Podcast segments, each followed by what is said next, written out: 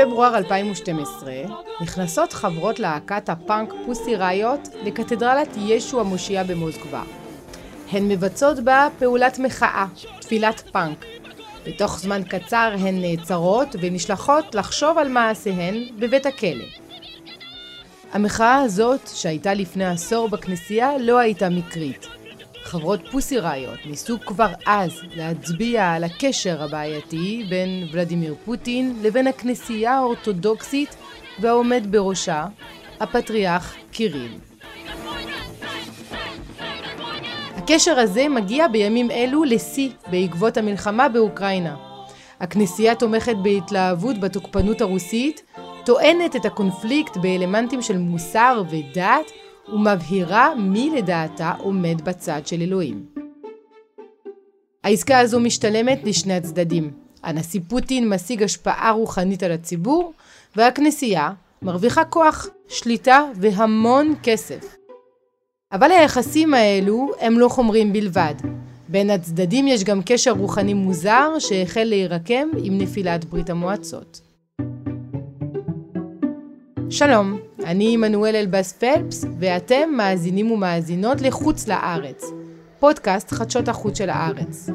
בפרק הזה אנחנו מנסים להבין את הקשר בין שניים מהאנשים החזקים ברוסיה. נתהה גם איך הפכה הכנסייה למוסד שמוכר סיגריות ומכשיר רצח אזרחים, ואיזה מחיר משלמת הכנסייה האורתודוקסית הרוסית על הבחירה של קיריל. שלום לדוקטור שמואל ברנאי, פורום אירופה, האוניברסיטה העברית והמחלקה להיסטוריה של עם ישראל באוניברסיטת בן גוריון. שלום, שלום. אז קודם כל, כדי להתחיל את השיחה הזאת, אנחנו אה, נשמח להבין אה, איך בנויה הכנסייה הרוסית, אה, איך היא מתחלקת, מה כוח ההשפעה שלה, מי האנשים שמחזיקים בתפקידי מפתח. מאז ומתמיד הפטריארכיה הייתה תלויה בשליט של, אה, של המדינה. הנסיך הגדול של מוסקבה, הצאר הרוסי, ובימי השלטון הסובייטי הייתה תלויה כמובן בשלטון המדינה. אה, באורתודוקסיה קוראים למצב הזה סימפוניה, זה גם בא מהעולם של האימפריה, מה שאנחנו מכנים אימפריה ביזנטית, סימפוניה פירוש הדבר לא, לא מה שאנחנו מכירים מתחום מוזיקה, אלא יותר תיאום, הסכמה בין השלטון החילוני, אפשר לקרוא לו, שליט המדינה, לבין השלטון הכנסייתי הרוחני. כך שהכינור הראשי, אפשר לומר, היה בידי השלטון המרכזי, השלטון החילוני, אם אפשר לקרוא לו ככה, והכנסייה צמודה לשלטון, תלויה בו, ומתאמת את הפעולות שלה, את הצעדים שלה, עם השלטון של הצאר למשל. וזה נשמע די דומה למה שקורה היום כשאנחנו מדברים על מערכת היחסים בין ולדימיר פוטין, נשיא רוסיה, לבין הפטריארך קיריל, שהוא עומד בראש הכנסייה האורתודוקסית ברוסיה. בהחלט כן, אפשר לומר ככה. אה, מאחורי הרעיון הזה שאנחנו רואים גם את הגלגול הבא שלו בימינו אנו, אה, היה איזשהו, איזשהו בסיס מאוד פרקטי. אה, הרי למה נוצרה המערכת הזאת של סימפוניה בין הכנסייה למדינה? עוד בימי, בימי הצארים, ובעצם היא קיימת עד היום. זה היה תהליך בעצם הדדי, שני הצדדים הרוויחו. מצד אחד המדינה קיבלה גושפנקה רוחנית ואפילו אידיאולוגית לפעולות שלה, למשל לצאת למלחמה. מי מברך את. הצבא ואת הצער, מי, מי, מי מתפלל ב, למען הניצחון, הכנסייה. מצד שני, אה, הכנסייה בעצם מקבלת את הזרועות של השלטון כזרועות שלה, למשל לדיכוי כופרים. אם הפטריארך מכריז על איזשהו זרם או על איזשהו בן אדם שהוא כופר, אז המדינה מפעילה את הכוח שלה נגד אותו זרם, נגד אותה קבוצה, כת או מה שלא יהיה. וככה זה אה, היה קיים אה, מאז ומתמיד, וזה מה שקורה גם היום בעצם. страшный опыт христианской истории учит нас. Нельзя идти таким путем. Более того, этот путь в никуда. Ну разве мог император Нерон אז כדי להבין מה קורה היום, בוא נגיד מילה על קיריל, האיש עצמו, מתי הוא הפך להיות מי שעומד בראש הכנסייה האורתודוקסית ברוסיה. קיריל הוא היום הוא בן 75, הוא יליד לנינגרד, ממשפחה די דתית, הוא בן ונכד של הכמרים, והוא התחיל את הקריירה הכנסייתית שלו כמובן עוד בתקופה סובייטית. עלה בסולם הדרגות עד שבסוף שנות ה-80 הוא היה כבר מה שאפשר לקרוא לזה שר החוץ של הכנסייה, אבל רסמית זה ראש אגף לקשרי החוץ של הכנסייה האורתודוקסית הרוסית. כלומר, הוא עלה לדרגה מאוד מאוד גבוהה עוד בתקופה סובייטית. מינויים מן הסוג הזה בכנסייה האורתודוקסית רוסית היו בלתי אפשריים ללא אישור של השלטון, ואנחנו מדברים כמובן על שלטון קומוניסטי. כלומר, כאשר הוא מנזיר מן השורה, התחיל את הקריירה שלו, קיבל תפקידים של בישופ, מיטרופוליטן, ועד למה שהגדרתי כמין שר החוץ של הכנסייה, זה כמובן עבר את האישורים של השלטונות, כולל משטרה חשאית כמובן, סובייטית, מה שאנחנו מכירים כקג"ב. זה לא רק אישורים, יש גם לא מעט דיווחים על זה שקיריל היה סוכן של הקג"ב. טענות כאלה יש. יש טענות לא רק נגדו, צריך להבין איך בעצם נוצרה הכנסייה האורתודוקסית הרוסית בתקופה סובייטית. כאשר השלטון הצארי נגמר, ב-11 ל-11 1917 התקיים הכינוס הכלל כנסייתי, זה בעצם כמה ימים אחרי המהפכה הבולשביקית או ההפיכה הבולשביקית, והם בחרו את פטריארך, לפטריארך מי שהיה מיטרופוליטן תיכון. הוא היה בערך שמונה שנים ואחר כך הוא פשוט נפטר, ושוב אין פטריארך. ואז יש מי שמה שמכונה עוצר כס הפטריארך או שומר כס הפטריארך. ואז האירוע המכונן הוא 1943, כאשר בספטמבר, ברביעי בספטמבר 1943, סטלין בכבודו ובעצמו מזמין את אותו עוצר כס הפטריארך סרגי עם שני מיטרופוליטנים, אלכסיי וניקולאי, לפגישה אישית. שימו לב, זה במהלך מלחמת עולם השנייה, קרבות, בעיות, זה רק כמה חודשים אחרי קרב סטלינגרד, כמה שבועות אחרי קרב קורסק, יש הרבה מאוד דברים אחרים, אבל סטלין, צריך לתת לו קרדיט, הוא מבין את חשיבות של הכנסייה. לעולם שהוא כבר מבשל, מתכנן לאחר המלחמה, ולכן הוא פתאום מזמין אותם, פעם ראשונה. ומתחיל בשיחה די נעימה, מה, מה קורה, איך אתם מרגישים, אולי יש איזה שהם צרכים, אנחנו צריכים לזכור שזה אחרי 20 שנה של דיכוי, או יותר מ-20 שנה, של הוצאות להורג, של מעצרים, של הגליות, הרבה מאוד אנשי כנסייה, אפילו הבכירים ביותר, נספו או נמצאים עכשיו במחנות בגולאג. במחנות של הסובייטים. ופתאום מפגש כזה, והוא מציע להם בעצם לכונן מחדש את הפטריארכיה. שוב, אחרי הפסקה של כמעט 20 שנה, עוד פעם לכונן את הפטריארכיה, וראו איזה פלא, זו הפגישה שהתקיימה ב-4 בספטמבר, ב-12 בספטמבר 43, אותו סרגי נבחר לפטריארך על ידי כינוס ראשי הכנסייה. תוך, אה, מה זה, שמונה ימים. כמובן, השלטון הסובייטי לא יכול, הקומוניסטי, לקלוט את הכנסייה, אבל הוא רוצה לשלוט בה. הוא מבין את העוצמה, את הפוטנציאל שלה, ולכן יומיים אחרי שסרגי נבחר לפטריארך, ליד ממשלת ברית המועצות, מדינה קומוניסטית, מכוננים גוף שנקרא מועצה לענייני הכנסייה האורתודוקסית הרוסית. ובראש הארגון הזה עומד קולונל של משטרה חשאית, אז זה נקרא NKVD, ידוע גם כקג"ב, היום זה פייסב, אז קולונל של משטרה חשאית בשם גיאורגי קרפוב הוא המשגיח מטעם השלטונות על הפעולות בתוך הכנסייה. ובמצב כזה בעצם בכנסייה שהוקמה באישורו וביוזמתו של סטלין, אה, קיריל ואחרים, רבים אחרים עושים את הקריירה. ולכן הכנסייה היא במצב מאוד אה, מוזר אולי בשביל, בשבילנו, של תחת שלטון הקומוניסטי, ארגון המוני לא קומוניסטי, אבל עם השגחה מאוד מאוד צמודה של השלטון הקומוניסטי, בכל זאת.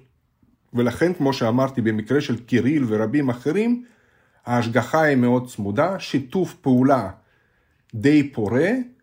Uh, לגבי uh, שיתוף פעולה ברמה של סוכן, יש טענות כאלה, גם כלפי קיריל וגם כלפי בכירים אחרים בתוך הכנסייה. Uh, קשה לומר עד כמה זה מבוסס, כנראה ש... תראו, לגמרי לא לשתף פעולה הם לא יכלו. האם הוא היה, מה שנקרא, מוסר, מלשין, הסגיר אנשים, אה, זה אנחנו אולי נדע בהמשך, אבל היום לפחות משהו שמבוסס על המסמכים, אה, קשה לומר באופן חד משמעי. каких-то мирских страстей, есть возможность подумать не о текущих. אז בעצם סטלין ועשרות שנים אחריו פוטין מבינים שהם צריכים לרתום את הכנסייה כדי להשפיע על ההמונים ולשלוט בצורה יותר טובה. בדיוק כך, והייתי אומר שפוטין היום צריך את זה יותר מסטלין, כי לסטלין היה גם מכשיר של אידיאולוגיה קומוניסטית, כן, מפלגה קומוניסטית, שבשיאה בסוף ברית המועצות, בסוף שנות ה-80, מנתה 20 מיליון חברים. אמנם זה לא היו חברים שהיו, כמו שאומרים, שרופים על הרעיון הקומוניסטי, כבר יותר היה יותר פורמלי, אבל בכל זאת הייתה מסגרת ענקית של השליטה האידיאולוגית, שלא לדבר על הנוער הקומוניסטי וארגונים אחרים, זה עוד מיליונים מיליונים רבים. היום כמובן אין דבר כזה, ולכן החשיבות של הכנסייה כארגון, היום זה ארגון ענק, ועם מיליונים של מאמינים, ובעצם כל כנסייה היא בעצם כנסייה, אני מתגבר על כל בניין של הכנסייה, אפילו כנסייה כפרית, זה בעצם חלק מהמנגנון האידיאולוגי של המדינה. מה שאומר כומר מעל הבמה שם בכנסייה, אפילו כנסייה כפרית, הופך למשפיע על אה, דעתם של מיליונים. מאשימים, המתנגדים של קיריל מאשימים אותו בזה שהוא בעצם הפך למשרד אה, או אגף, אגף לענייני אידיאולוגיה, כמו שהיה פעם במפלגה קומוניסטית, אז היום בשלטון של פוטין זה מין שלוחה או איזשהו אגף לענייני אידיאולוגיה.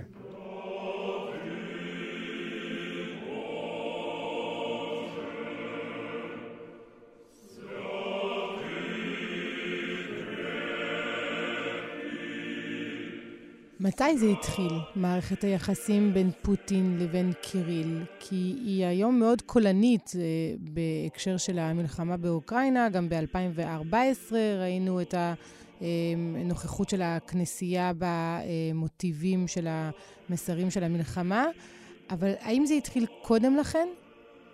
אה, סביר להניח שזה התחיל אי שם במחצית השנייה של שנות ה-90. אני לא יודע אם, אם הם נפגשו ב... ב לנינגרד או סן פטרבורג.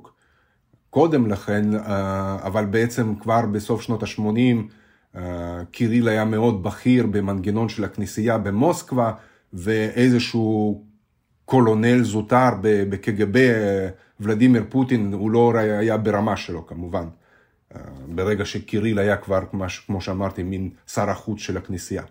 אבל פוטין רוצה קריירה מזהירה ומהירה, וכאשר הוא עובר למוסקבה במחצית השנייה של שנות התשעים ומקבל מקום במה שנקרא אדמיניסטרציה נשיאותית, לשכת הנשיא, אבל זה, זה לא מה שאצלנו לשכת הנשיא, עם כל הכבוד, אבל זה, זה גוף מאוד כוחני, זה הרבה מאוד כוח. כמובן הכנסייה על הרדאר שלו והוא על הרדאר של הכנסייה והמגעים מתחילים משם. אה, ויש אה, קרבה רבה. הרי עובדה שכאשר אה, נפטר הפטריארך הקודם, אלכסי, מי שמקבל את תפקיד הוא קיריל. ושוב, זה לא קורה ללא הסכמה, הסכמה בשתיקה שקטה כזאת של, של, של, של השלטון. למה פוטין זקוק לאידיאולוגיה? מדובר בשליט כל כך אה, כוחני, שהאם אה, באמת הוא זקוק לאידיאולוגיה כדי לצאת למלחמה? עד כמה האוכלוסייה ברוסיה מאמינה או קרובה לדעת או מחפשת הצדקה שהיא מעבר לפרקטיקה שהנשיא יכול אה, להסביר? שאלה, שאלה טובה מאוד והיא לא, לא פשוטה. Uh, לפי הסקרים שאנחנו רואים, לפי הסטטיסטיקה שיש, uh, יש מיליונים של מאמינים, כן? אנחנו צריכים לזכור שזו מדינה של מעל 140 מיליון תושבים, uh, בערך 80 אחוז מהם רוסים, אתנים, רובם ככולם ככה או אחרת מזדהים עם הכנסייה, השאלה עד כמה ההזדהות הזאת באה לידי ביטוי של uh, מאמין uh, עקבי ומשתתף בכל הפעולות של הכנסייה, פ, כאילו איש כנסייה פעיל, לא, לא איש כנסייה במובן של התפקידים, אלא בן אדם שהולך לכנסייה, יש לו כומר אישי, הוא, הוא מאוד מאוד בתחום הזה uh, מעורב. Uh, מדברים על אחוזים בודדים בכל זאת. Uh, כן, אם אנחנו שואלים רוסי מצוי ברחוב, לא משנה, במוסקבה או בארכנגלסק או בוולדיבוסטוק, uh, האם הוא מאמין? כן, איזה כנסייה? כנסייה אורתודוקסית רוסית מן הסתם. מתי לאחרונה היית? אז הוא יזכיר איזשהו חג גדול פעם בשנה, פעמיים, שלושה פעמים בשנה. זה לא בן אדם שמדי שבוע הולך לכנסייה. כאלה שהם באמת חיים אורח חיים נוצרי אורתודוקסי, מדובר בכל זאת באחוזים בודדים, ופה יש הערכות שונות, אבל שוב, זה מספרים הם חד ספרתיים, לא, אפילו לא דו ספרתיים, כאלה שיודעים את התיאוריה שהולכים להתפלל לא רק בחגים הגדולים כמו פסחה או חג המולד או משהו כזה. אז למה? אז למה פוטין צריך את הכנסייה? כי בכל זאת ההשפעה היא על מיליונים. נניח שאותו אזרח רוסי מצוי שאנחנו מדברים איתו, הוא הולך רק פעמיים, שלושה פעמים בשנה לכנסייה, בחגים הגדולים, הוא כמובן הדביל את הילדים שלו, או היא, לא משנה, הדבילה את הילדים שלה בכנסייה, אה, ובכל זאת לכנסייה יש השפעה רוחנית מאוד גדולה. מעבר לעובדה שאולי רק חמישה או שמונה אחוז כאלה שהולכים לכנסייה מדי שבוע. אין בעצם מנגנון אחר, כן? אין מפלגה קומוניסטית, אין קומיסרים, אין פוליטרוקים. אה, יש פורמלית, פורמלית או מאוד פורמלית, ריבוי מפלגות. עכשיו, במקרה הזה של המלחמה באוקראינה, צריך לתת לעמך, להמונים, איזושהי גושפנקה. איזשהו הסבר למה אנחנו שם. וככל שהמלחמה הזאת הולכת ונמשכת מעבר לכל הציפיות, הצורך בזה הוא רק ילך ויגדל. מישהו צריך להסביר להמונים למה אנחנו תקועים במקרה הזה בבוץ האוקראיני, למה אנחנו שם.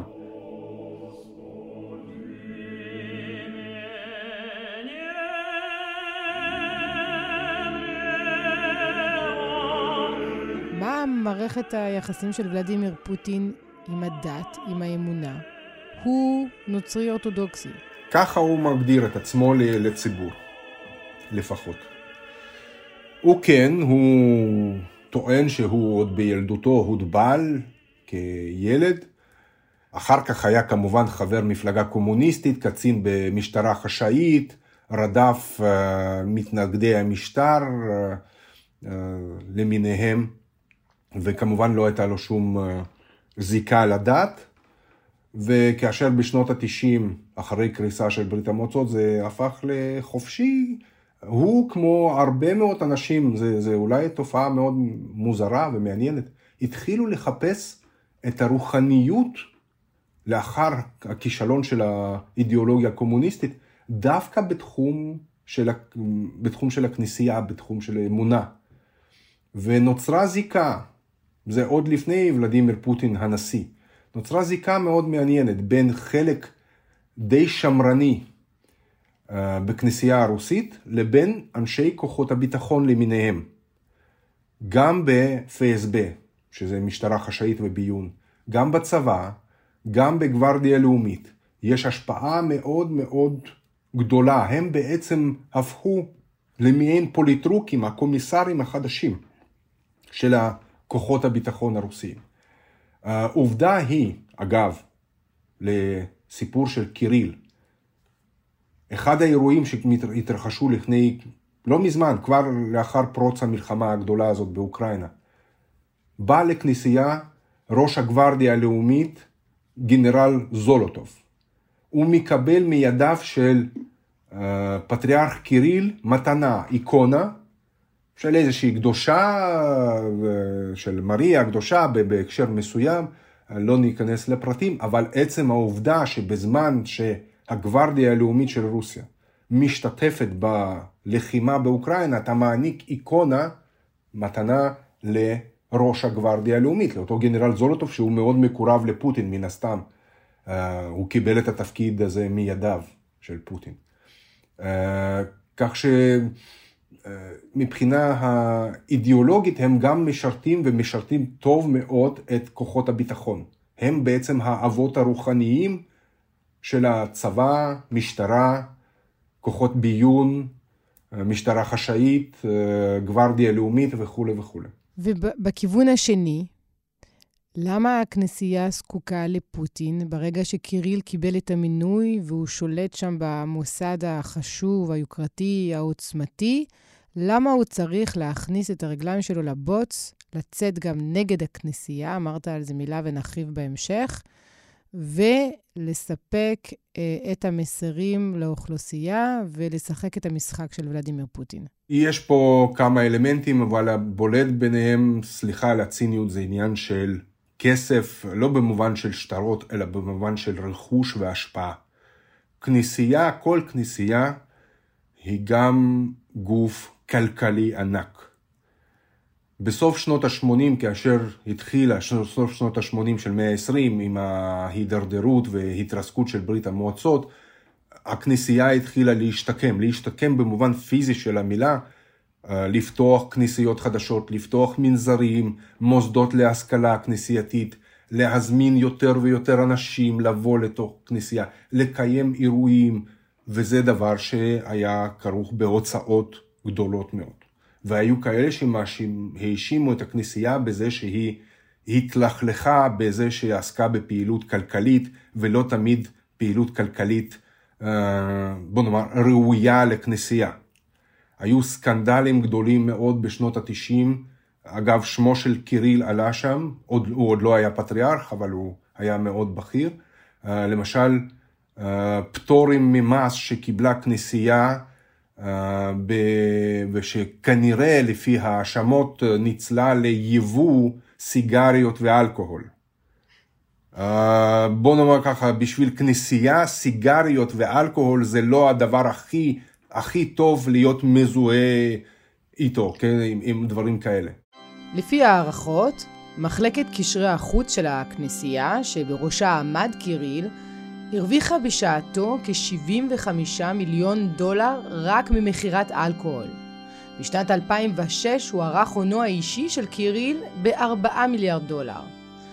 ב-2019 ניתן בנוביה גזטה כי ייתכן ששוויו של קיריל כפול מזה. יחד עם זאת, אין אישור רשמי למספרים האלו, והכנסייה וקיריל מכחישים אותם. בשנת 2012 פרסמה הכנסייה תצלום של קיריל, כשעל ידו שעון ברגה, בשווי של 30 אלף דולר.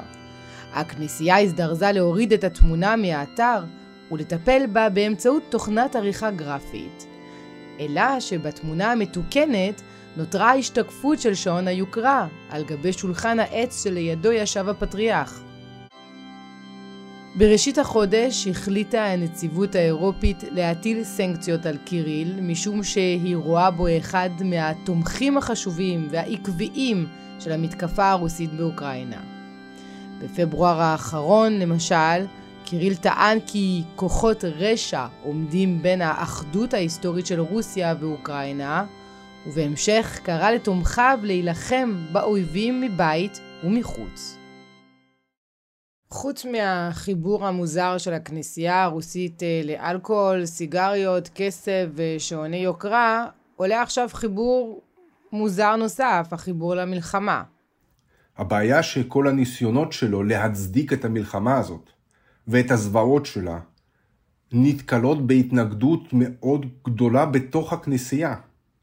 כלומר, הוא במצב די קשה. בכנסייה האורתודוקסית הרוסית יש זרם שמרני, הרבה יותר שמרני מקיריל, שמאשימים אותו על כל דבר, כולל על, אותו, על הפגישות עם האפיפיור, על הפגישות שהיו לו נניח עם היהודים, עם ראשי הדת היהודית בעולם, גם זה זרם מאוד שמרני ומאוד אנטישמי. מצד שני, יש זרם אה, יותר, הייתי אומר, הומניסטי, אפילו חלקם ליברלי יותר, שדורשים ממנו דברי ראש הכנסייה.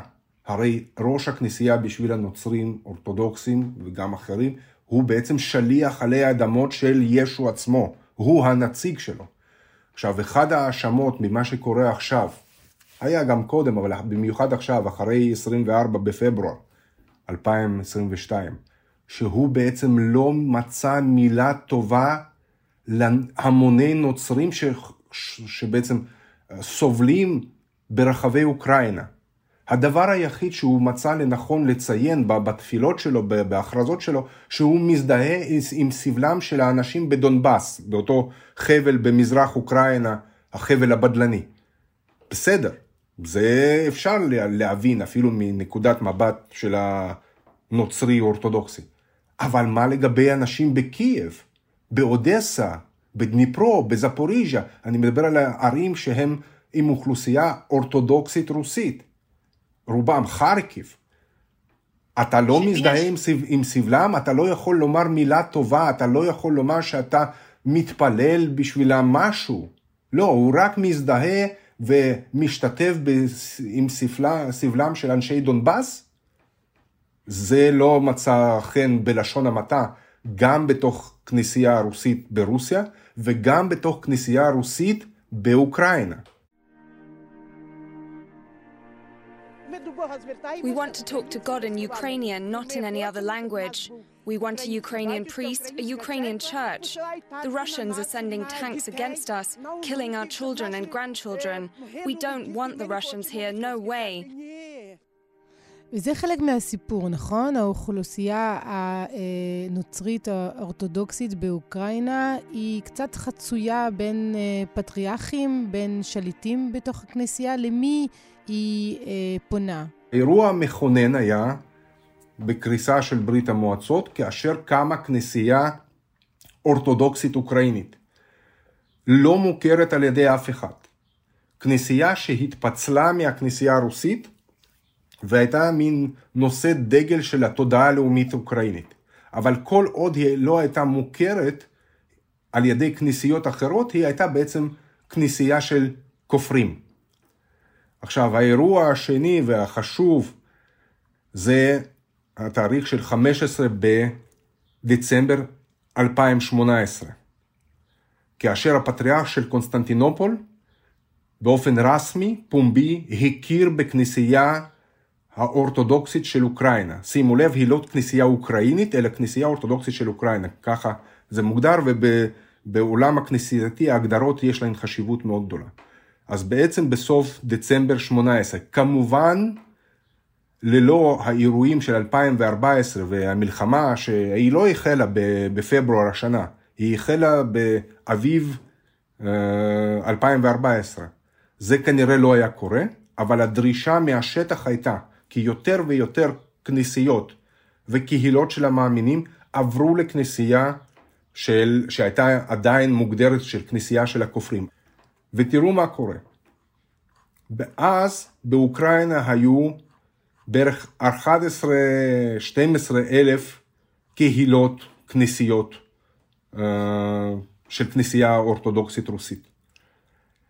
עד עכשיו הכנסייה האורתודוקסית הרוסית באוקראינה איבדה מעל 800 כנסיות, שזה לא, לא הרבה, אבל לא מעט. אבל מתוך מעל 800, מעל 250 היא איבדה מפברואר השנה. כלומר, תוך סטטיסטיקה הכי פשוטה, תוך אה, פחות משלושה חודשים, הכנסייה הזאת של, של אוקראינה קיבלה עוד 250, אפילו יותר מ-250 קהילות מאמינים. עכשיו, מה זה קהילת מאמינים? יש כנסייה בכפר. בכפר חיים נניח 500, 600, 800 תושבים. הם מתכנסים ומחליטים שהם עוברים לכנסייה האורתודוקסית של אוקראינה, והם לא, יותר לא שייכים לכנסייה של מוסקבה. זהו, כל הכפר בעצם בתכלס עבר לכנסייה החדשה. כלומר, הסיפור הזה זה לא רק 800 כנסיות פה ושם, או קהילות, זה מדובר כבר במיליוני מאמינים. כתגובה למלחמה? בוודאי, בוודאי. אה, תראו, אה, אחד הדברים שהיה קשה לאנשים מאוד להתגבר עליהם, שלמשל בתפילות, כאשר מתחילה תפילה, בכנסייה הם צריכים להזכיר ולברך את ראשי הכנסייה. אז אנחנו מתפללים ומברכים את המטרופוליטן שלנו במחוז, את ראש הכנסייה של מוסקבה באוקראינה בשם אונופרי שיושב בקייב, ואת הפטריארך קיריל, כי הוא פורמלית האוטוריטה העליונה. עכשיו, אנשים חוזרים מהחזית, חוזרים פצועים, נכים, מביאים לאותה כנסייה גופות של חיילים ואזרחים שנפלו, והכומר מתחיל תפילה ומברך את ראשי הכנסייה כולל, כולל קיריל, ו- וזה כמובן מייצר מתח עצום, עד אה, אפילו פעולות כוחניות נגד, נגד אותו כומר, יכול להיות. ו- והם בלחץ אה, פנטסטי, עד כדי כך שחמישים מהבכירים בכנסייה האורתודוקסית הרוסית באוקראינה, מעל חמישים, הצהירו שהם מפסיקים להזכיר את קיריל בתפילות. יש תסריט לפיו קיריל מודח מתפקידו? תראו, בכנסייה האורתודוקסית זה, זה לא פשוט.